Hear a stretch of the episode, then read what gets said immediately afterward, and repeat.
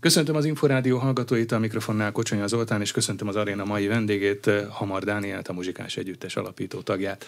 Szervusz, köszönöm, hogy elfogadtad a meghívásunkat. Szervusz, és mindenkinek jó estét, jó napot kívánom. 50 éves a muzsikás, meg volt a fél évszázados évfordulót összegző koncert húsvét hétfőn a műpában. Hát nem is csak ott a színpadon, de úgy fejben, lélekben, azért készül egyfajta összegzés, számvetés, hát mégiscsak öt évtizedről van szó, nem kis idő. Nem. Ez egy óriási idő. Egyáltalán, hogyha valaki nekünk ezt mondja, amikor meghalakultuk ilyen szemtelenül fiatalon, hogy 50 évig mi még zenéni fogunk, sőt, ha egy csillagjós megállapítja azt, hogy itt lesz egy, ezen az elhagyatott területen lesz egy, egy, egy, egy Európa egy, vagy a világ egyik leggyönyörűbb koncertpalotája, és mi leszünk, aki a megnyitó zenélünk, alapkületételnél, és ott lesz az 50. évforduló, hát biztos, hogy kinevetjük, és azt mondjuk, hogy a csillagjós vagy ad vissza a szakmádat, menj el másnak, mert ezek lehetetlen dolgok. És mégis egy megtörtént. Tehát igazából olyasmik történtek meg, amiről mi nem is álmodozhattunk 50 évvel ezelőtt.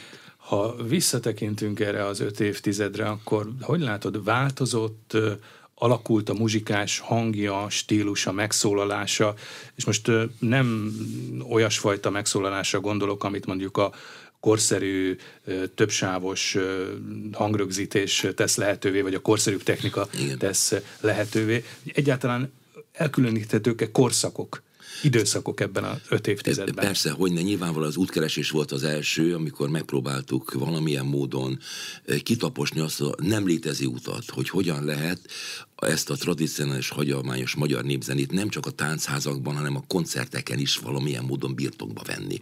Mert táncházakban azt csináltuk, amit ott Erdélybe tapasztaltunk, hogy ott táncolnak, énekelnek, jól érzik magukat. Persze itt meg kellett tanítani, hogy mit táncoljanak és mit énekeljenek, tehát volt egy előzetes ilyen tánctanítás és énekelés. Az rögtön adódott, hogy zene és tánc együtt, tehát hogy ez nem nagyon volt elválasztható? Tehát nem, megy, nem az volt a törekvés vagy az elképzelés, hogy fölmenni a színpadra és koncert koncertszerűen zenélni, hanem ehhez ehhez szervesen ott volt a tánc is? Épp ellenkezőleg a színpadra csak később mentünk föl, mert úgy gondoltuk az elején, hogy, hogy ez a zene, ez a közösségi zene, ez ebben a formában, ahogy a hmm. közösségi ezek a színpad, nem színpadra való. A színpadnak megvannak a maga saját kőkemény törvényei. Másképp is kell játszani? Vagy más ez a megszólalás, más a közege, a más a hangulata? Amikor... Más, van, van, egy óriási különbség. A különbség az, a közösségi zene egy táncád, meg egy színpad, hogy közönség ül.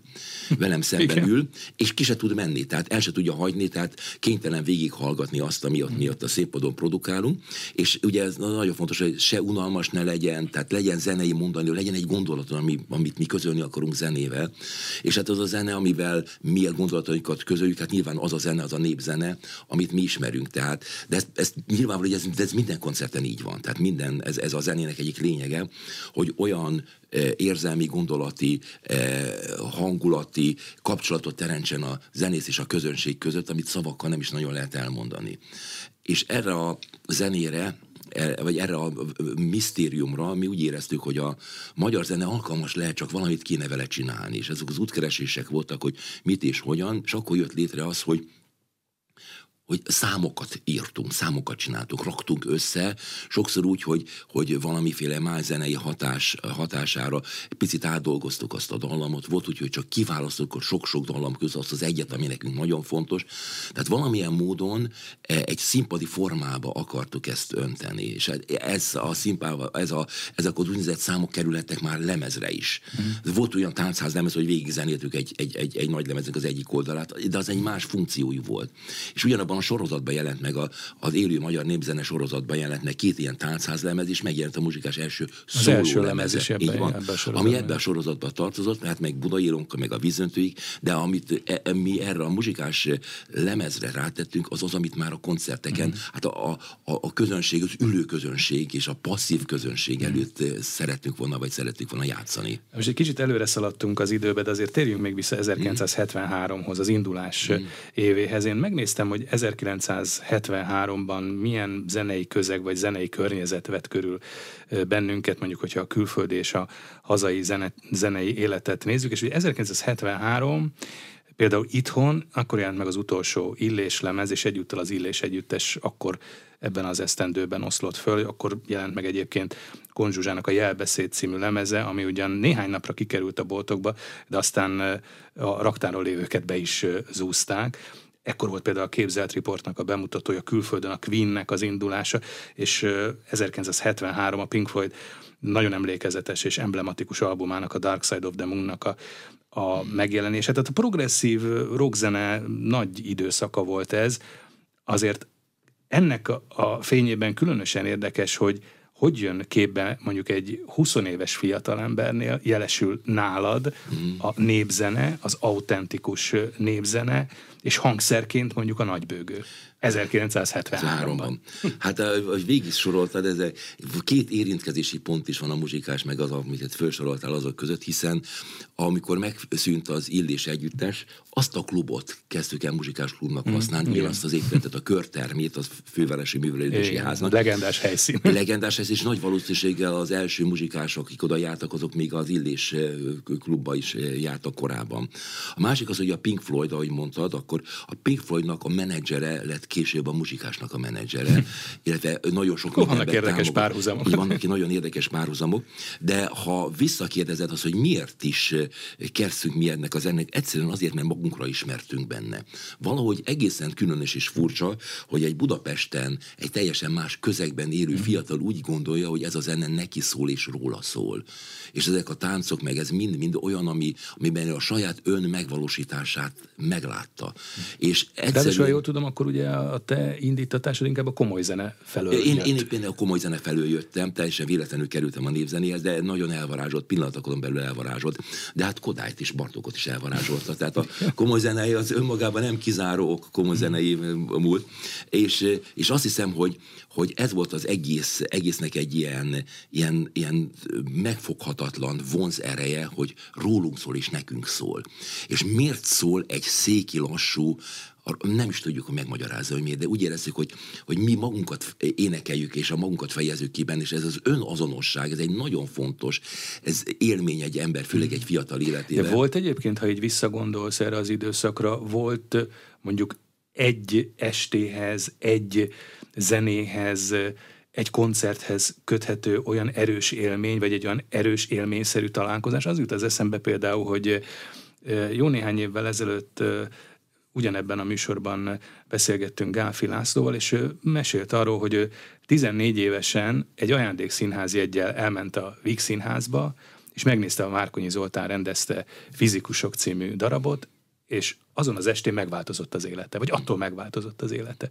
Szóval visszavezethető mondjuk egy ilyen erős élményre, vagy egy ilyen, igen, egy ilyen találkozásra? Igen, tehát ez, ez ilyen szinte ostorcsapás hirtelenséggel jön ez, a, amikor az ember ráébred arra, hogy ez a zene valamilyen módon különös és neki, neki szól.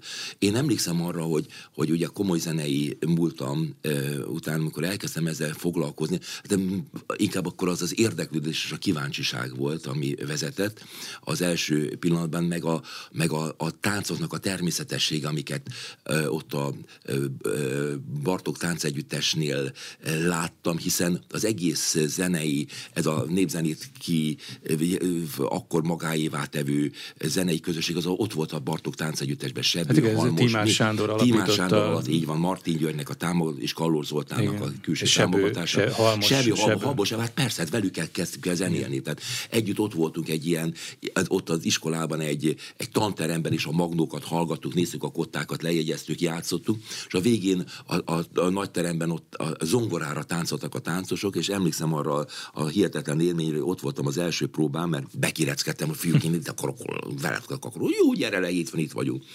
És, De a hangszered akkor már megvolt? Hogy akkor én akkor már bőgöztem nagy, ilyen, nagy ilyen bőgő? á, igen, persze, hogy ne, hát én, én a bőgözést azt még az, mm-hmm. az István ö, ö, ö, És nem is akartál váltani, tehát a nagy bőgőz, mert ez egy, ez egy ilyen nagyon tekintét parancsoló igen, hangszer, én, méreténél, igen, súlyánál, megszólalásánál igen, fogva is. Zongorával indítottam, tehát én zongorista voltam, de hát nyilvánvaló nem professzionális módon, csak annyira, amennyire mm. egy ilyen polgári családban a gyereket zongorára igen. tanítják, és amikor bekerültem a Szent István gimnázium gimnáziumban, akkor ugye első Istvánnak hívták, és akkor ugye úgy volt, hogy nyolc év általános szimfonikus zenekara volt. Így van, és az első órán, amikor első napokban, amikor ott voltunk az iskolában, és ijedtem, mert akkor rájöttünk arra, hogy nagyon kisfiúk vagyunk a gimnáziumban, akkor kinyílt az ajtó, és bejött az énektan a Záborszki József, és azt mondta, van-e valaki, aki közületük tanult zenét?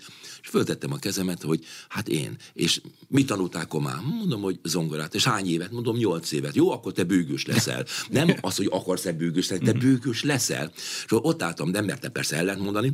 Volt a tanítás után, fölmész a följössz oda a tisztelembe, kapsz egy bőgőt, hazaviszed, és mit tudom szerdán már mész az első bőgő órára. Ja, Tehát igen. gyakorlatilag a, hogy a bőgőseket akkor nem lehetett csak úgy kiképezni, hogy legalább elértek egy bizonyos testmagasságot. Tehát, tehát ugye akkor még és nem volt ilyen... a hangszert. Igen, hát voltak éppen az, hogy kellett, hogy fölérje a hangszert, ezért a bőgősök nem hat éves korokban tanultak, most akkor most már lehet, de akkor még nem hat éves korokban tanultak, és úgy átképezték vagy csellistát, vagy zongoristát bőgősnek, és az Záborszkinek az volt az Záborszki Józsefnek, vagy ahogy mi Pist, hívtuk Pista bácsinak, az volt az elképzelése, hogy, hogy sok bőgős legyen, és halkan játszanak, és ad egy zenei alapot. Mm. És nekünk volt, hogy, hogy 12 bőgős volt a, mm. a, a, a, az István zenekarban, mi azt hiszem, hogy az állami hangverseny zenekarban meg volt 8. tehát, tehát igazán e, e, mi ott a bő, és, és nagy szövetség és nagy barátság volt a bőgősök között. És hát én, mint klasszikus bőgős kerültem voltak éppen a népzenéhez közel, akkor már egyetemista voltam, de nem az eredetihez, mm. hanem a, amit ott ilyen átiratok voltak népzenékat, ottani táncegyüttesnek, kísérő zenekarába zenéltem, és így véletlenül találkoztam a, a, a sebőjékkel, és láttam azt, hogy milyen az, amikor... De akkor ott a Bartók táncegyüttesbe járva, mm. ott rögtön fölvetődött a együttes alapítás Mi nem, gondolata? Nem, nem. Oda jöttünk, és ott sok zenész volt, és ráadásul az volt, hogy a zenészek meg a táncosok között volt egy ilyen átjárás. Hát hiszen az első próbán a Timár azt mondta, hogy na, fiúk, letenni a hangszert, gyertek be, és táncoltok, a táncpróbán mm. részt vesztek. És ez óriási élmény, hogy elkezdtem táncot tanulni, azt mondja, ha nem tudsz táncolni, nem tudod lekísérni. ez volt az, és a, érdekes, hogy a három, a muzsikás három alapvetően fontos zenésze, Éri Péter, Csóri Sándor és Sebestyén Márta táncosok voltak Táncos, a, igen, a Bartók táncegyüttesben. Igen. Ugye mi igen, erre emlékszem, hogy Sebessé Márta is ott a Bartók táncegyüttesben táncolt. Így, igen, van, igen. így van, és a, a Zsanyi is táncolt, csak közben meg kontrázott, és akkor eh, annyira szerettük ezt a zenét, hogy, hogy hétvégénket is összejöttünk egy kicsit magunknak buli közben zenők. Persze szólt a Beatles, a Rolling Stones, a Kings, a Pink Floyd, minden, de azért időnként elővettük, és akkor elkezdtünk játszani. Tehát, és az talán valamikor 73-nak a nyarán fogalmazódott meg, hogy mi ebből a csapatból voltunk, vagy 10-12-en, hárman megpróbálunk egy együttes együttest alakítani. Hát széken is csak három zenész volt a, a bandában, és e, voltak éppen így indult, akkor még név nélkül, tehát nem az, hogy csinálunk egy együttest, amelyik muzsikás lesz a neve, sőt, egy, egy sokáig kerestük a nevet is. Mm és akkor kaptuk ezt. Tehát ez már megvolt ez a trió, meg, meg volt az a trió, áros, de még nem volt név. A, így van, megnyertük a népművezet if, ifjú mestere címet, és megkaptuk a lehetőséget, mint, mint három, szó, három ember. Igen. És megkaptuk a lehetőséget, hogy a, arra, mint az előbb említettem, a körteremben minden, azt hiszem, hogy talán csütörtökönként vagy keddenként, most ez nem jut eszembe, de egy hétköznap rendszeresen minden este tartsunk egy klubot, miközben voltak a havi rendszeres táncházak ugyanott, de mi azt azért neveztük klubnak, mert itt nagyon sok, sok sokkal több hangsúlyt fektettünk a, a közös éneklésre, a közös tánctanulásra, és a legvégén volt egy fél óra szabad tánc. Tehát igazából ez a tanítási folyamat, amit ott mi nagyon fontosnak tartottuk, és érdekes, ez hihetetlen közösségi erő volt, ez is összehozta az ottani embereket, akik nem csak a muzsikás klubból jártak, hanem kiderült, hogy külön jártak kirándulni, bulikra, mindenhova. Mm és itt ezen a... De ez ezen... már tulajdonképpen a táncház, vagy a táncház mozgalom időszaka, mert az, az is 1972-73-ban indult. 72-ben indult a táncház, akkor volt, a, a táncház az igazából az, az ugye az a erdélyi táncházának a magyarországi meg, meg, meg Igen, ahogy én olvastam, ugye a, a klasszikus táncház forrása az az a belső mezőség, azon belül is talán magyar palatka, ezt szokták Először említeni. szék volt. Szék? Tehát, a szék, uh-huh. szék, tehát az volt a szék, azért voltunk széke, az is ugye mezőségen van, Azért kezdtük a széknek a zenével, aránylag egyszerűek voltak a táncok, tehát uh-huh. úgy éreztük, hogy ezt meg lehet mások is, akik nem táncegyüttesbe tanulnak. Azon kívül volt egy csodálatos lejegyzés, meg felvétel, tehát Lajtának a széki gyűjtés, az Kotta szerint lejegyezte azt a fajta széki gyűjtés, ami a Pátria lemeznek volt egy része, és azt még jó minőségen a Magyar Rádió vette föl. Tehát nem ilyen sistergő, ilyen valami felvételek átjátszás, hanem kristálytisztán lehetett hallani a zenéket, lehetett látni a kottát, tehát adódott, hogy ezt tanuljuk, ebben kezdjük a tanulást is. És sokáig csak ez a széki zene volt a, a táncházakban. De azért ez érdekes, az jutott eszembe, hogy, hogy ugye maga a tánc, a táncház, az ezekhez az erdélyi területekhez Igen köthető, vagy a mezőséghez, mint központi helyszínhez, de a, maga, maga a mozgalom, tehát amikor már ez mozgalom már terepélyesedett, az meg mindenképpen már azért a, a városhoz kapcsolódik, vagy a városhoz kötődik. Tehát mintha a hagyományt, a zenét segítette volna behozni a városi közegbe, és segített talán átörökíteni mindazt, ami talán már vidéken, vagy a határon túli magyar lakta területeken is, hát ha nem is volt elveszőben, de aztán később már vélhetően elveszővé vált. Így van, tehát, tehát mi, a, mi ezt újra fölfedeztük, a székeknek nem kellett fölfedezni, mert ez volt az életük. És az is lehetett... Ez nem hagyományőrzés volt, hanem nem hagyományőrzés, a mindennapi életük, életük része a mindennapi volt. életük volt. Szegények voltak, mert a Ceausescu rendszer szegénységbe tartotta őket. Valószínűleg ez konzerválta ezt a lehetőséget. Rádió nem volt, ez volt a szórakozási forma. Tehát a, az elcsatolt területeknek a, a, a nyomora, a gazdasági nyomora, az igazából egy hihetetlen kultúra megőrző erővé vált. Tehát azt szoktam, valami, valami egyetlen előnyem a Trianonnak az, hogy mi még eredeti formában láttuk a, a, az, hogy hogy öltöznek, hogy viselkednek, hogy beszélnek, hogy táncolnak és hogy énekelnek. Az ottani emberek, hogy gondolkodnak. És hát eh, amikor én eh, először széken voltam, tehát le akartam menni székre megnézni, hogy ez hogy szólott eredetiben, akkor én úttalan utakon, többszöri vasúti átszállás után egy, egy tényleg szörnyűséges ilyen ilyen teherautóval átalakított busszal megérkeztünk Székfű terére, az egy, egy nagy település volt, 6000 ember lakott ott, Gondoltam, hogy csak kérek valakitől szállást, tehát nyilvánvaló, hogy, hogy csak úgy tudok ott maradni, hogyha valaki befogad. És ott láttam az a, a, a ott a réten, ahol a busz megállt, ott kis gyermekek futballoztak, kalappal a fejükön. És amikor jött a labda, akkor a kicsi gyerek lekapta a fejéről a kalapot bele, fejet tette vissza. és akkor én úgy álltam, hogy mit, hogyha, hát aki Budapestről ilyet, ilyet én csak a mesében tudtam volna elkezdeni, Mórának a, a, a, a, a, az írásaiban, Móra Ferenc írásaiban Igen. tudtam így elképzelni, hogy, hogy milyen ez a vidék, és gondoltam át, hogy ott volt a központ, a templom szembe a kocsmát, gondolom, itt fog tudni emberekkel értekezni, hogy hova tudok menni, és akkor egy ilyen kis legénykát látszott rajtam, hogy én nem odavaló vagyok, mindenki viseletben volt, azt mondja, hogy van-e már hol lakjon? Hát mondom, nincs. Egy szót se szól, csak elfutott, és még a kocsmába be se volt, gondolom, hogy ott majd valakitől kérdezek, hogy hová fordulhatok. Már jött azt mondja, integetett messze, hogy édesanyám az elne, hogy nálunk jöhet, ugye, azért, hogy hozzánk jöhet. És befogadtak, és ott, ott laktam, és amikor többször is visszamentem, mindig náluk tudtam vendégségben, vendégfiúként ott aludni, és hát e, nyilván, hogy, hogy amikor ugye először elmentem az igazi táncházba, ami, ami igazi, tehát ott abban a kis házban, ami a táncházház volt, mm. az egy frenetikus élmény volt. De amikor kérdezted, hogy mi volt az, ami ilyen ostorcsapát, az volt az, az egyik, ez, az volt az egyik, de a másik az még, az még keményebb volt. Én, a, a, volt egy üt, ütött, kopott ilyen Wartburg személyautóm, és úgy gondoltam, hogy én, én, én egy lakodalmat meg akarok látogatni, mm. egy erdélyi lakodalmat. És Kallus Zoltántól kérdeztem, hogy hova menjek. Azt mondja, hogy er, ez mezőségbe bármelyik faluba októberbe bemész hétvégén. Biztos lesz egy lakodalom. Biztos lesz egy lakodalom. Nem akkor mész a következő, ott aztán biztos. És megálltam egy, egy Vajdakamarás nevezetű faluban, a, a falu szélén, és gondoltam, hogy besétálok, és megkérdezem embereket, hogy van-e itt lakodalom, és egyáltalán senkivel nem találkoztam, de hallottam egy ilyen, hogy vú, vú, de van furcsa zaj volt, vú.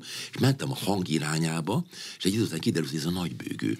Hát el lehetett egy kilométerre hallani a nagybőgőt, és megérkeztem, egy akkora lakodalom volt, hogy már a, a, a, a falusin a ház udvarára se fért be a sátor, az utcára építették föl a sátrat, és ott lehetett, ki, kiszűrődött a zene, és gondoltam, hát már sötét volt, hogy oda megyek, hát az egyik félen, hát ha nem fedeznek föl, és hallgatom a zenét és hát egészen frenetikus volt, hogy hall, de hát felfedeztek. És akkor kijött, amikor kiderült, hogy Magyarországról jövök, akkor azonnal bevittek, és a pap és az örömanya mellett ültem ott a főhelyen, farmer ruhában, és hosszú hajjal, és szakállal, és mögöttem zenett egy zenekar, és az volt az életem egyik legcsodálatosabb élmény. Pont mögöttünk egy ilyen emelvényen. Kiderült, hogy a palatkaiak voltak. Mm. És úgy zenéltek, hogy azt mondtam, hogy egy klasszikus zenész nem tudja elképzelni, hogy a hegedű így szólhat. Két hegedű oktáv párhuzamos. Szóval ez volt az egyik, ez az, ami be mi vagy A magyar palackai zenészekről én azt olvastam, hogy tulajdonképpen az ott élő cigányzenész dinasztiák örökítették át ezeket az erdélyi magyar muzsikákat és Igen. az erdélyi magyar Igen. népzenét. Félig román, félig cigány, többnyire írás tudatlan zenészek. Igen. Igen. Így volt? Így volt, így volt. Sokan meg is kérdezték tőlünk, hogy, hogy hát, hogy miért gondoljátok, hogy az a zene, amit ezektől az emberektől tanultok, az magyar zene, hiszen ők cigányok és román az anyanyelvük. És Kallós válaszolta meg nagyon jól, amikor mondtam, hogy, akkor, hogy mit válaszolják el, azt mondja, hogy nem az a fontos, hogy ki muzsikálja, hanem az a fontos, hogy ki rendel és ki hallgatja. Mert a közösség elfogadja a zenét, már pedig a falusi magyar közösség ezt elfogadta, akkor ez egy magyar zene. Tehát ők azt zenélik, amit a közösség kíván és akar. Tehát ettől magyar a zene, és nem attól, hogy ő neki mi a bőrszíne vagy a, az anyanyelve, az nem számít. Vannak még most vajon 2023-ban ilyen táncházak, ilyen lakodalmak azon a vidéken? Vannak, biztos, hogy vannak. Hát nyilván, hogy, hogy úgy olyan formában, mint amikor mi ezt látok a 70-es években, olyan formában nem nagyon várható. De, de azért egy, átalakult ott is nagyon sok minden. Hát hogy ne, hát hogy ne, nyilvánvaló, hogy, hogy plüss, izé, vagy plüss, nem tudom, hogy ilyen tűlruhában van a mennyasszony, és, és, és mobiltelefonozik széken. Tehát, tehát nyilván, és más ne, zene szól. Az és más zene szól, igen, és szintetizáltól, de időnként ugye Kalotaszegen is van az, hogy hívják a régi bandát, aki játszik. És vannak még? Vannak, vannak még a vannak vannak, és ami nagyon érdekes és izgalmas. Időnként, a, szinte a semmiből, bocsánat, föltűnik, egy-egy primás egy zenész, olyan, mint hogyha a holdra, mint egy csoda lenne, mint a, az öreg, és kiderült, hogy a nagyapja volt a zenész, és ő ezt tudja. Tehát, tehát valamilyen módon ez a hagyomány sokkal mélyebb és sokkal erősebb, mint ahogy mi gondoljuk. És akkor hogy mondjuk egy példát, hogy Bartók 1900 azt hiszem, hogy talán 32-ben írta azt, hogy egy-két év, és ez örökre eltűnik. Hmm. Hát és akkor eltett 40 év, és mi még Hát látok. akkor még bizakodhatunk, mert pont az jutott eszembe, hogy itt a idő, időt számlálva, hogy ugye a 90-es évek második felében, 90-es évek végén végén volt a Fonó kezdeményezésére és Kelemen Lászlóék kezdeményezésére egy nagy népzenei gyűjtés éppen ezekben a régiókban is, és ennek ugye az volt akkor a címe, hogy utolsó óra, uh-huh. vagyis hogy az a fajta régi hangszeres népzene, lassan a múlt él, ezt gondolták ezt a 90-es évek végén. Na most, ha a 90-es évek végén azt címkézték fel, hogy utolsóra, akkor most 2023-ban azt gondolnánk, hogy azt hihetnénk, hogy már az utolsó utáni órában vagyunk. Hál' Istennek nem azért még ez, vannak helyek, és még van mit felfedezni. Tehát ez, ez valami, valami csoda, hogy, hogy mi ez az erő, ami nem engedi eltűnni ezt a zenét. De mondok egy, egy, egy szomorú példát, hogy mi még találkoztunk olyan tudások, akik még csodálatosan tudáltak, de már senki nem hívta őket. Ez még a 70 éves, 70-es években. Tehát már a közösségnek nem kellett a dudazene, és hiába tudott dudálni. És ezek a zenészek is, amikor sokszor volt hogy például ott, ott Kalotaszegen, hogy ők játszák a szintetizátort, meg dobott minden, de közben pedig ő primás is utána előveszi, és ugyanúgy zenél, mint a nagyapja. Tehát, tehát mind a kettőt tudja, mert a, igazából akkor eladható a mm. saját bandája, hogyha minden igényt ki tud elégíteni. Tehát a fiatalok, akik éppen most éppen valami modern zenét akarnak, meg az öregek, akik még a régit. Mm. Térjünk még vissza akkor a 70-es évekhez, a 70-es évek elejéhez, a muzsikás indulásához, amivel kezdtük is a beszélgetést, mert hogy ugye 50 éves a muzsikás, és ennek az öt évtizednek a történetét próbáljuk most feleleveníteni. Ugye a 70-es évek elején, közepén azért a, a, a népzenét, a táncházat, a táncház mozgalmat valahova oda az ellenkultúra mesdjére szerették vagy szokták sorolni, mert hogy mégiscsak egy közösségi szerveződés, ugye a táncház, a táncház mozgalom, ráadásul olyan klubok például, amit már beszéltünk, ugye a, a muzsikás klub, tehát olyan klubok, amelyeket nem valamilyen központból a hatalom által koordináltak, hanem valóban egy közösségi alulról szerveződő klubok és, és mozgalmak voltak. Sipos Mihály, a alapító társad a muzsikás együttesben valahogy úgy fogalmazott, hogy tulajdonképpen a tiltott és a tűrt határán volt mindez, és maga a muzsikás együttes is. Így lehetett? Valahogy így volt, tehát először nem voltunk fontosak, mert amit mi csináltuk, ez egy nagyon alternatív volt, úgy gondolták, hogy senkit nem érdekel, hm. de nagyon érdekes volt az, hogy hát akkor nem is kell lemez, mert senkit nem érdekel, hogy egyáltalán hogy történt, hogy nekünk lemezünk lehet. De akartatok egyébként? Mert ugye Akartunk. 73-ban Ambíció, alakult a muzsikus, és 78-ig várni kellett, tehát 78-ban jelent meg a, a, az első a, lemezetek ebbe az a, említett élő népzene így sorozatban. Van, így van, így van, hát így van, de 77 tavaszára vettük föl.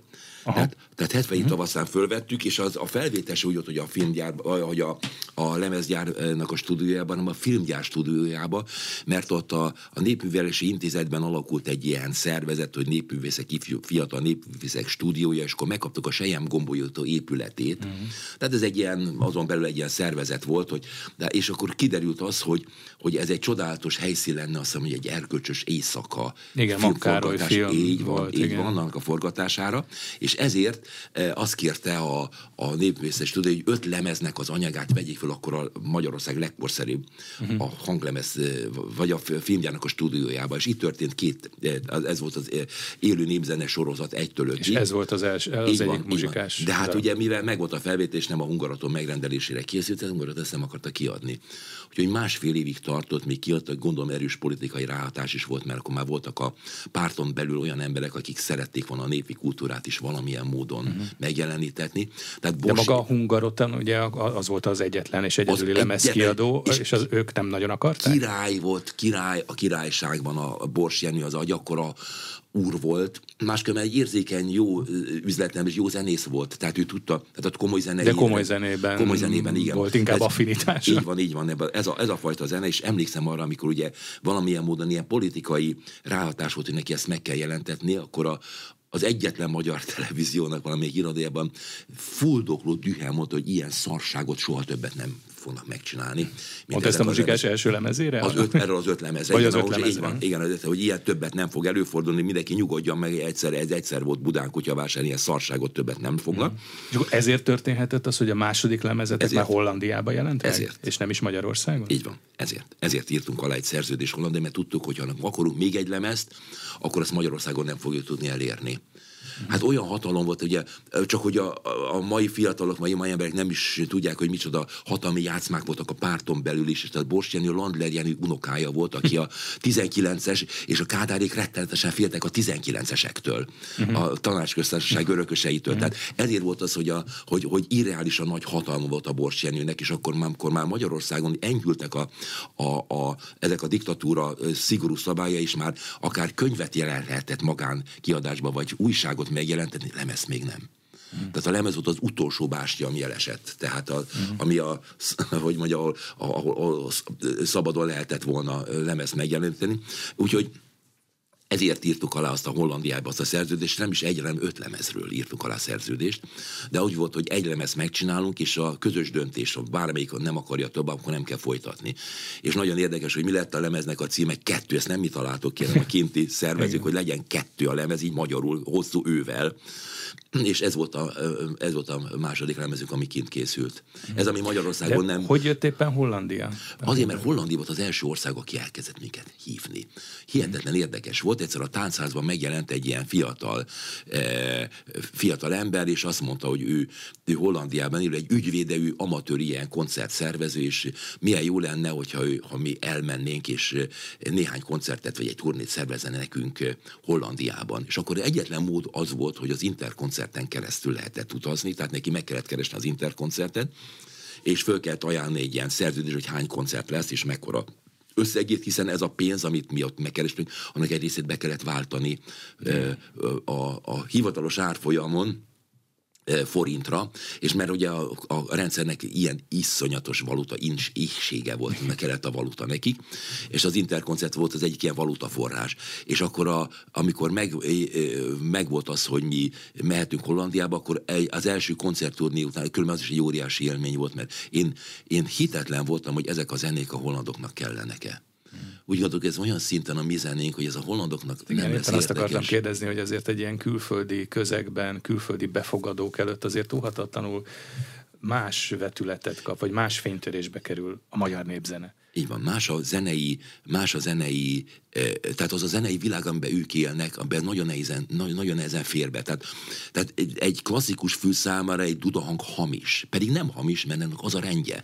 De, de így az, hogy a balinézen is hamis, meg minden. Tehát, tehát igazán ez egy más zenei világ, és mi azt csináltuk, ez nagyon érdekes volt, hogy játszottunk egy, egy ilyen koncerten egy számot, és volt egy nagyon erős sikerszámunk, én is voltam, mikor voltam, azt hiszem, hogy ez volt az, és azzal kezdtük, hogy már legyen a belépő jó, és egy ilyen udvarias taps volt. És hogy ment elő a koncert vége volt, és amikor második, harmadik ráadást kell adni, akkor azt mondtuk, hogy, hogy hát kedves közönség, most egy olyan zenét fogunk játszani, amit még soha nem szoktunk, csak nagyon-nagyon-nagyon ritkán szoktunk eljátszani, és eljátszottuk ugyanazt amit másfél órával korábban nyilvánvalóan nem emlékeztek rá, és tomboló sikere volt. Másfél óra alatt a fülük átállt a magyar népzene befogadására és a lelkük, és ugyanazt a zenét egy egészen-egészen más, más füllel fogadták be. Tehát arra gondolok, hogy másfél óra alatt a, a legigényesebb holland közönség is megnyerhető a magyar népzenének. Most azért ez a külföldi befogadói közeg kapcsán én egészen meglepetten olvastam, hogy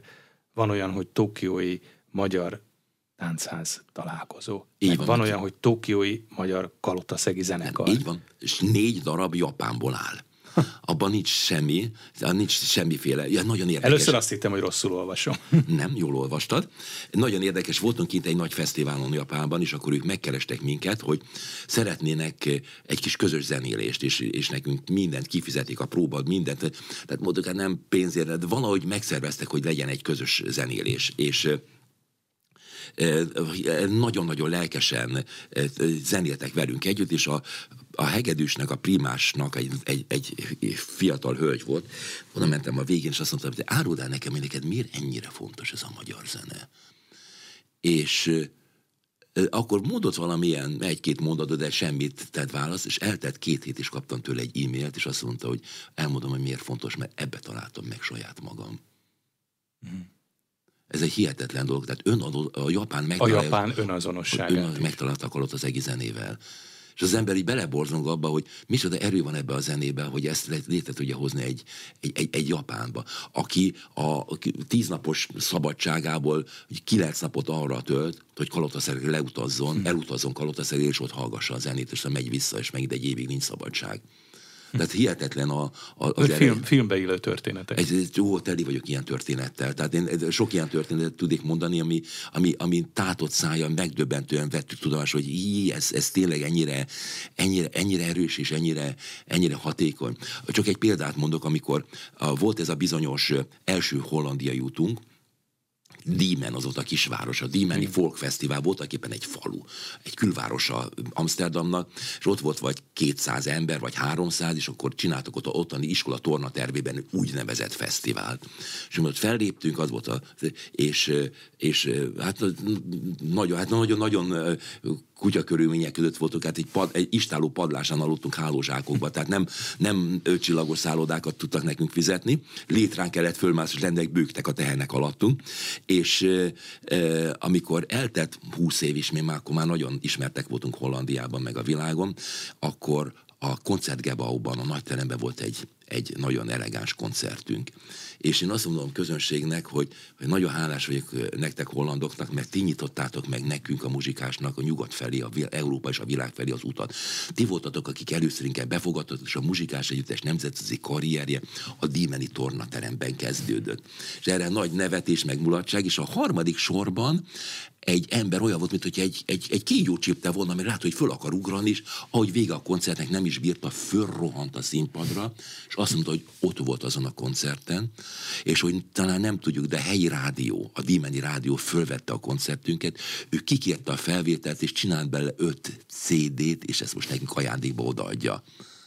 Ez, ez az ember azt mondja, hogy ilyen, ilyen nincs, de hát, hát mégiscsak megtörtént. Ez a nemzetközi vízhang, vagy nemzetközi közeg kapcsán nekem is eszembe jut egy történet, majd megerősített, hogy egyáltalán igaz-e, mert én azt hallottam, hogy Bob Dylan és az együttese a turnébuszukban éveken át folyamatosan a muzsikás egyik lemezét hallgatta. Ha minden igaz, akkor a Nem arról hajnalig című lemez. Ez így van? Igen, ezt úgy tudtuk meg, hogy a, a, Jánosi Béla, aki a hangmérnökünk volt ezen a lemezen, ott a Főni stúdióban, egyszer bejelentkezett hozzá egy, egy, egy ember, aki egy angolul, hogy ő itt van Magyarországon is, és szeretné elmenni a stúdióba. Hát ez mondjuk úgy nem nagyon szokták ugye engedni, mert ez egy munkahely, és akkor azt mondta, hogy ő egy hangmérnök, ő egy hangmérnök azért ilyen és a Jánosi Béla fölengedte, beengedte a stúdióba, és azt mondta, hogy ő, ő a Bob Dylan hangmérnöke, és azért, hogy megnézze azt a stúdiót, hogy hol készült ez a lemez. Mert hogy ezt hallgatják. Ez érdekes elképzelni, hogy Bob Dylan muzsikást hallgat a turné előtt a turnébuszban. Hát ez érdekes. Ez érdekes, de hát ez, tényleg érdekes. Ugye említettük a Nem arról hajnallik című lemezt, hogy ugye 1986-os az időpontja, illetve előtte azért említsük meg 1982-t, és ez ugye a, nem úgy van most, mint volt régen. Azért is említem ezt a két lemezt, mert azért ez a 80-as évek azért nagyon fontos, és hát azért tegyük hozzá, egy, egy különösen sikeres időszaka a muzsikás öt évtizedes Igen. történetének sokan ezt úgy szokták apostrofálni, hogy ez volt az igazi áttörés, valóban? Ez volt egy át, nagyon komoly áttörés volt, igen. Először az, hogy a, amikor végül is a második lemezünknek a hatására, ami Hollandiában jelent meg, hirtelen megnyíltak az ajtók. Tehát ez tiszta, teljesen érdekes, és ez nevetség, ez egy igazi magyar betegség, hogyha valamit külföldön elfogadnak, akkor itthon is elfogadjuk. De ugye senki sem profitál a saját hazájában, mondjuk ez egy biblia idézet, de az a helyzet, hogy, hogy ö, ö, akkor már nyitottak voltak, hogy akkor, akkor ne, ne Hollandiában jelentessük meg a köv... Ugyanis ugye Hollandia De akkor még mindig Borsenő volt a Végig Borsenő volt, persze, de akkor már volt egy ilyen mentorunk, a Szörényi Levente, aki... Igen, hiszem, ő hogy... volt tulajdonképpen a zenei rendezője van, ezeknek a van, sőt, produc- és közreműködője is volt. Igen, igen, hát az, a közreműködés az csak menet közben derült ki, mert ugye, de az, hogy ő... Hát ő, a lemezborítón ott van. Igen, de az nem úgy terveztük, számoknál. nem úgy terveztük, hanem aztán végül is úgy lett. Tehát annyira belelkesült, hogy aztán tényleg beszállt hozzánk énekelni, majd más nem és a, a Szabolcs pedig le, nagy ö, ö, gitáros, gitár, amit én végig bőgőztem, és a kettőt összekeverve adtunk egy olyan bőgő hangot, uh-huh. ami, amit, amit mi szerettünk volna. Tehát nagyon érdekes volt az, az egész lemez, és ez volt az első olyan lemez, ami soksávos módon készült, és népzenei lemez. Uh-huh. Tehát a Szörényi azt mondta, hogy hát a mai modern, akkori zenében, a, a rock zenében sávokat vesznek föl külön-külön, és azokat teszik össze, hogy, hogy a, oda minden sávon külön szól a zene, és oda teszik, és úgy keverik, és olyan hang, és olyan arányban, milyen akarják. Úgyhogy így vettük föl, és ez persze nyilván sokkal-sokkal tovább tart, mint hogyha csak körbeülünk egy mikrofont, aztán fölveszünk. Ugye egy hetegig dolgoztunk ezen a lemezen, ez volt a Phoenix stúdió, akkor még egy igazi egy garázsban volt ez valahol a Bós Jani eh, hangmérnöknek a házának a garázsába volt ez a stúdió, tehát ott vettük föl, és eh, Levente rengeteg tanácsot adott, hogy mit hogyan kell csinálni, és, és nagyon-nagyon sok mindent tanultunk tőle, hogy, hogy hogyan, hogyan lehet ezt a, a zenét tényleg egy olyan hangzásban megszólaltatni, milyen nagyon korszerű hangzás. Meg talán azt is, hogy hogyan lehet ezt a zenét, eh, hát úgymond most pozitív értelemben eladni? E, Hát az, az üzletben sose voltunk jók. Tehát az nagyon-nagyon rossz az üzleti érzéke a muzsikásnak, de tehát mi nem soha, soha nem abban gondolkodtunk, hogy, hogy ezt pénzé vagy, hogy, nem volt fontos a, a pénz az együttesnek, soha nem volt fontos, soha nem volt az, hogy se a, a nemzetközi siker, akartunk valamit, alkotni akartunk, valamit le akartunk tenni, ez motivált minket. Mm. Nagyon furcsa ezt most hallani, de én, én vissza gondolok a saját, saját korszakunkba, tehát tényleg nem of ha csak mondok egy példát, hogy az öt lemezem, amit a, a, az első, amit a Borsjenőjék vettek föl még, vagy, vagy bocsánat, nem az öt lemezen, hanem, a, hanem a, az, azon a bizonyos, amit a, a filmgyárba vettünk föl. Nekem annyi volt a tiszteletdíjam, amennyit a büfébe költöttem el a felvétel mm. alatt. Tehát én nullára jöttem ki, de legalább ettem egy kávét, meg egy süteményt a büfében. Mm. Ki tudtam fizetni. Tehát, és iszonyatosan nem érdekelt. De tulajdonképpen ugye az egész ez az öt évtized, ez tulajdonképpen azt tükrözi, hogy ezt a zenét, ezt hát tulajdonképpen szerelemből csináltátok, hiszen mindenkinek megvolt a maga saját polgári foglalkozása. Így van. Így van. Ez, ez egy biztonságot Tehát most jó, a, a szó nemes értelmében és jó értelmében amatőrök így voltatok, van. és amatőrök maradtatok így mindvégig. Így van, az ámó szóból van az amatőr, amit szeretett. Ugye, hmm. ugye, tehát az amatőr az nem azt jelenti, hogy, hogy dilettáns, hanem inkább azt jelenti, hogy szeretetből csinálni, hmm. amit csinál. Így van. Természetesen persze voltak nekünk is szupergázsik, tehát nem, főleg amikor már a menedzserek alkottak helyettünk, akkor tényleg, tényleg. De csak mondok egy ilyen példát, ezt a lemezt, amit a, inkább a ezt, ezt talán ezt nem vettem meg, de a következőt, a, amit ugyanúgy készült, az a Nem arról hajnalig című lemez, a Joe Boyd licencben megvette, csak ugye amikor mi ezt fölvettük a lemezgyárba, le kellett minden jogról mondani. Úgyhogy ő ezt a lemezt, a Joe Boyd, aki a, a Pink Floydnak volt a menedzsere, és volt egy saját kis lemez kiadója, ő az egész világon terjesztette, és ebből mi egy fillért nem kaptunk. Hm. Egy fél, ugyanis neki a, a hungaraton Hát ő jobb üzletember volt, mint... Hát nem, ő nem, a hungaraton kemény pénzt kért érte, uh-huh. csak, csak mivel a hungaraton volt a, a, a tulajdonosa ennek igen, a felvételnek, ezért nekünk egy fillért nem juttatott. Uh-huh. Ugye, említettük többször most már ezt az 1986-os lemezt, a Nem arról hajnalig című Igen. lemezt. Ugye 1986, négy évvel vagyunk a rendszerváltozás előtt, de ugye ez a 80-as évek közepe azért ez éppen talán a visszarendeződés időszaka volt, vagy a visszarendeződés néhány éve volt, és ezen a lemezen, a Nem arról hajnalig című lemezen van az a bizonyos dal, a Hidegen fújnak Igen. a szelek, ami ugye népdal, népdal, de hát azért mégiscsak egy nagyon hangsúlyos üzenete van. van. Akár mondhatjuk azt, hogy politikai felhangja van. Az egész hogy lemez, kerülhetett a lemezre? Az egész lemez. Az egész hogy nem az került volt, lelóra? A, hát a, a, nagyon egyszerű módon a, a Sanzon Bizottság, amelyik igazából egy cenzúra bizottság volt, nem kellett cenzúrázni, ha ráírtuk, hogy népdal. Mm. Ja, mert népdalt azt úgy se lehet betiltani, mert ez fura lenne egy a, magyar egy, népdalt betiltani. Egy, egy magyar népi, népi forradalmi kormány eh, képviselőnek a népdalt betiltani egy furcsa Még azért volna. Eh, egy Petőfi verset azért eh, korábban egy lemezről levetettek. Mit a Európa csendes, újra csendes Gátlás nélkül letöröltették, így van, szem, szemreben és nélkül, de a muzsikás lemez nem cenzúrázták, és, és hát azért tudni kell azt, hogy, hogy a, a hatalom az úgy működött, hogy nem voltak direkt direktívák, hogy mit kell csinálni, aki a pozícióban volt, rosszul döntött, akkor bukott. Teljesen mindegy, hogy volt. Tehát nem volt neki megadva, hogy ezt és ezt kell csinálni, és akkor ő védve van.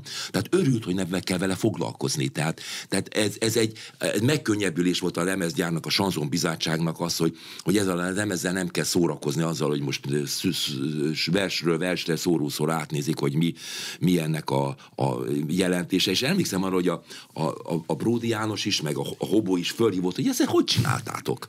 Hát, hogy maradhatott hogy ez maradhatott ez rajta, hogy a hidegen fújnak a szelek. De hát az, az összes többi, hogy eddig vendég jól mulatta, hát az se egy egyszerű volt, hogy fogd a sátot, és most már irány haza. Tehát igazából ezeken, ez egy nagyon erős politikai áthallás volt, vagy a, ami, ami ezen, de célzottan, tehát ez nem véletlenül, ezt mi teljesen szándékosan így csináltuk, hogy ez legyen benne, és hát ez aztán utána, amikor már egyszer megjelent, akkor már másodjára bárki feldolgozhatja, tehát, tehát ez, ez szabad utat kapott, tehát ezt most már rockzenész is használhatta, tehát ez egy nagyon érdekes a, ennek a, utána a történet ennek a lemeznek, hogy, vagy ennek a zenéknek, hogy... Itt a külföldi mindenki... megjelenésekről beszélgettünk, és azért ez külföldön voltak éppen a világzene kategóriája, tehát a muzsikás, hát ugye inkább külföldön, de hát gondolom azért ebbe a körbe, vagy ebbe a, a kategóriába sorolható, már csak a Vomex díj okán is, amit ugye, ha jól emlékszem, 2008-ban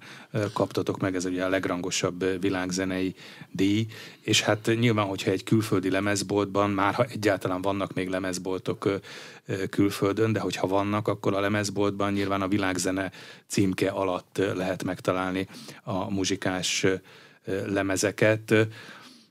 Szóval világzene?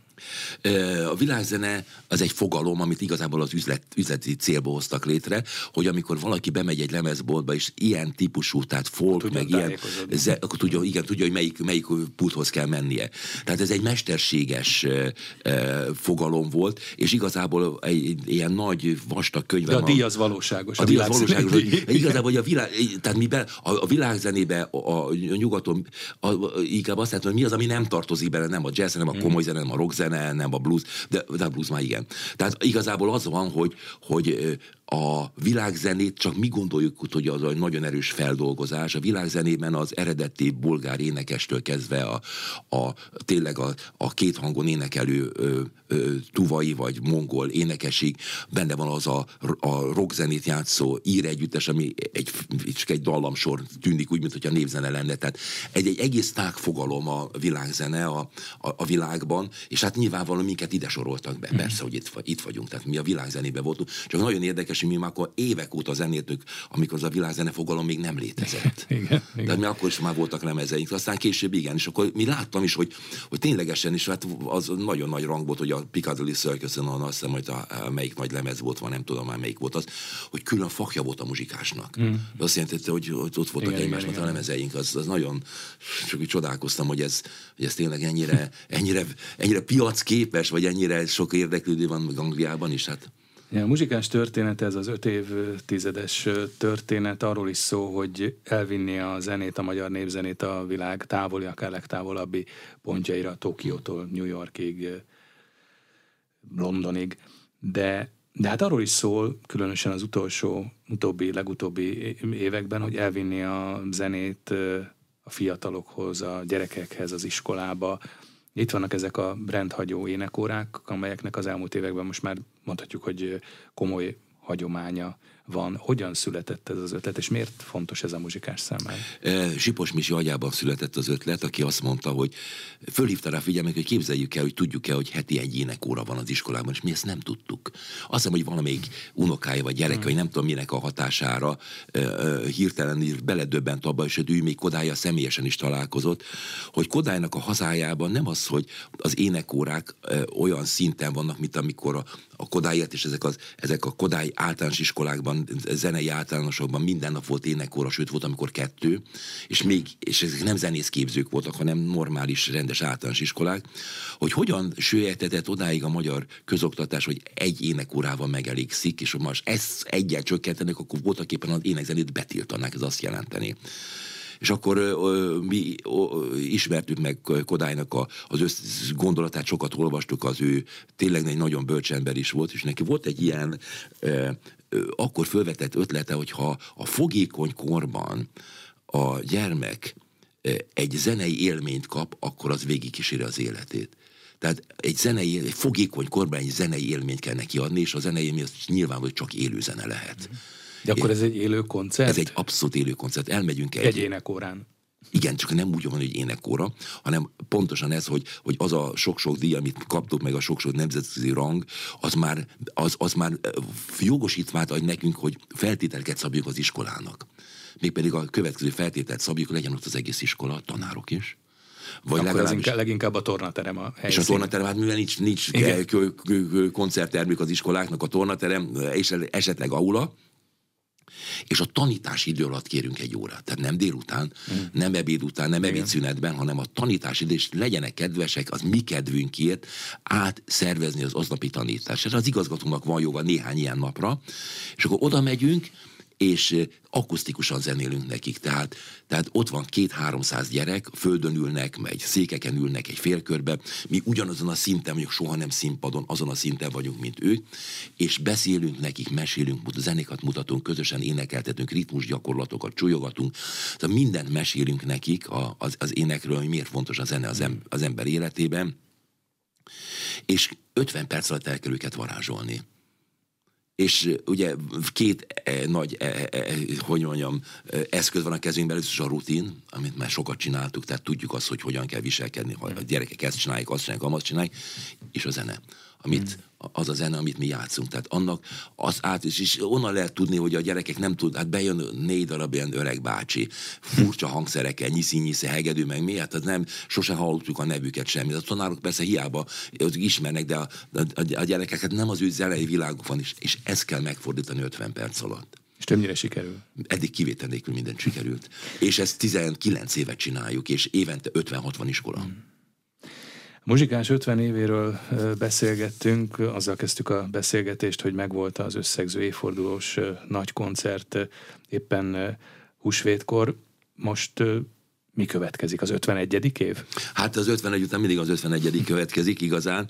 Folytatódik a munka, amit eddig csináltunk. Tehát mi nem hisszük, hogy, hogy most valami nagy változást kell csinálni. És szerintem az aranylakodalom, tehát a házas bár él tovább, mint a előtte, tehát csak, uh-huh. csak megünneplik azt a napot. Én, én azt hiszem, hogy, hogy az egyik nagyon fontos az az iskolai énekóra. Tehát már megengedhetjük magunknak azt, hogy, hogy, hogy ne akarjuk még egyszer a Carnegie halba venni, vagy ne akarjuk még ide vagy oda, már voltunk mindenütt, tehát már minden díjat megkaptunk. Igen. Most már az a szolgálat, hogy ezeknek a gyerekeknek útravalót adunk, az egy nagyon felemelő, nekünk felemelő. Tehát amikor mi elmegyünk onnan, és még elfelejtettem mondani, hogy semmi pénzt nem fogadunk el az iskoláktól. Tehát csak úgy csináljuk meg, hogy szponzorokat keresünk és találunk. Tehát az iskoláknak ez egy fillérében nem kerül, nem is, nem is kérhet, nem is akarunk. Tehát el se fogadjunk semmit. Tehát adnak egy, mit egy pogácsát, tálpogácsát, az rendben, de, vagy egy, egy, egy, ká, egy teját, kávét, de igazán ez nagyon-nagyon fontos, hogy ennek a korosztálynak eh, ez egy élmény legyen. Élmény. Az élmény a legfontosabb. Tehát olyan élmény legyen, hogy emlékezzen erre a, a, a napra, hogy emlékezzen, hogy ez van, hogy létezik egy olyan dolog, mert akkor, amikor majd bajba lesz és zenére szüksége van, akkor be, hmm. beúrik, hogy van egy zene, ami esetleg engem gyógyítani tud, van egy zene, ami vigasztalni tud. Tehát, tehát ez nagyon fontos. E, a nagyoknak már, tehát a gimnazistáknak, főleg a 17-18 éveseknek már belecsempészünk egy teljesen indirekt, soha nem kimondott egy nemzettudatot mert a nemzettudatot én rettenetes fontosnak érzem. Nagyon-nagyon fontosnak érzem, hogy, hogy, hogy ö, legyen az, hogy te honnan jöttél, kihez tartozol, kitől kaptad, amit van, és milyen olyan kötelességeid vannak, hogy ezt vidd tovább. És, ez, és itt vagy itthon. Tehát, tehát ez egy nagyon fontos, de, de a mai modern közbeszédben ezt nem lehet direkt kimondani, mert nagyon idegennek tűnne, de, mm. de rá ébreszteni a gyerekeket arra, hogy figyelj, milyen fontos ez a nyelv, milyen fontos, hogy te magyarul beszélsz, milyen gyönyörű ez a nyelv, milyen gyönyörű ez az ének, milyen szerencsés, hogy ide születtél, hogy ezt te örököt, ezt megérted, amit más nem és akkor ebben benne van egy olyan dolog, ami, amit én, én, én egy útravalónak, a, ennek a, a gyerekeknek, kicsiknek persze még nem ezt mondjuk, de nagyoknak már hmm. ezt egy kicsit úgy meg, megpendítjük. Köszönöm szépen a beszélgetést. Az elmúlt órában Hamar Dániel, az 50 éves muzsikás együttes alapító tagja volt a vendégünk itt az arénában. Köszönöm. Én is köszönöm.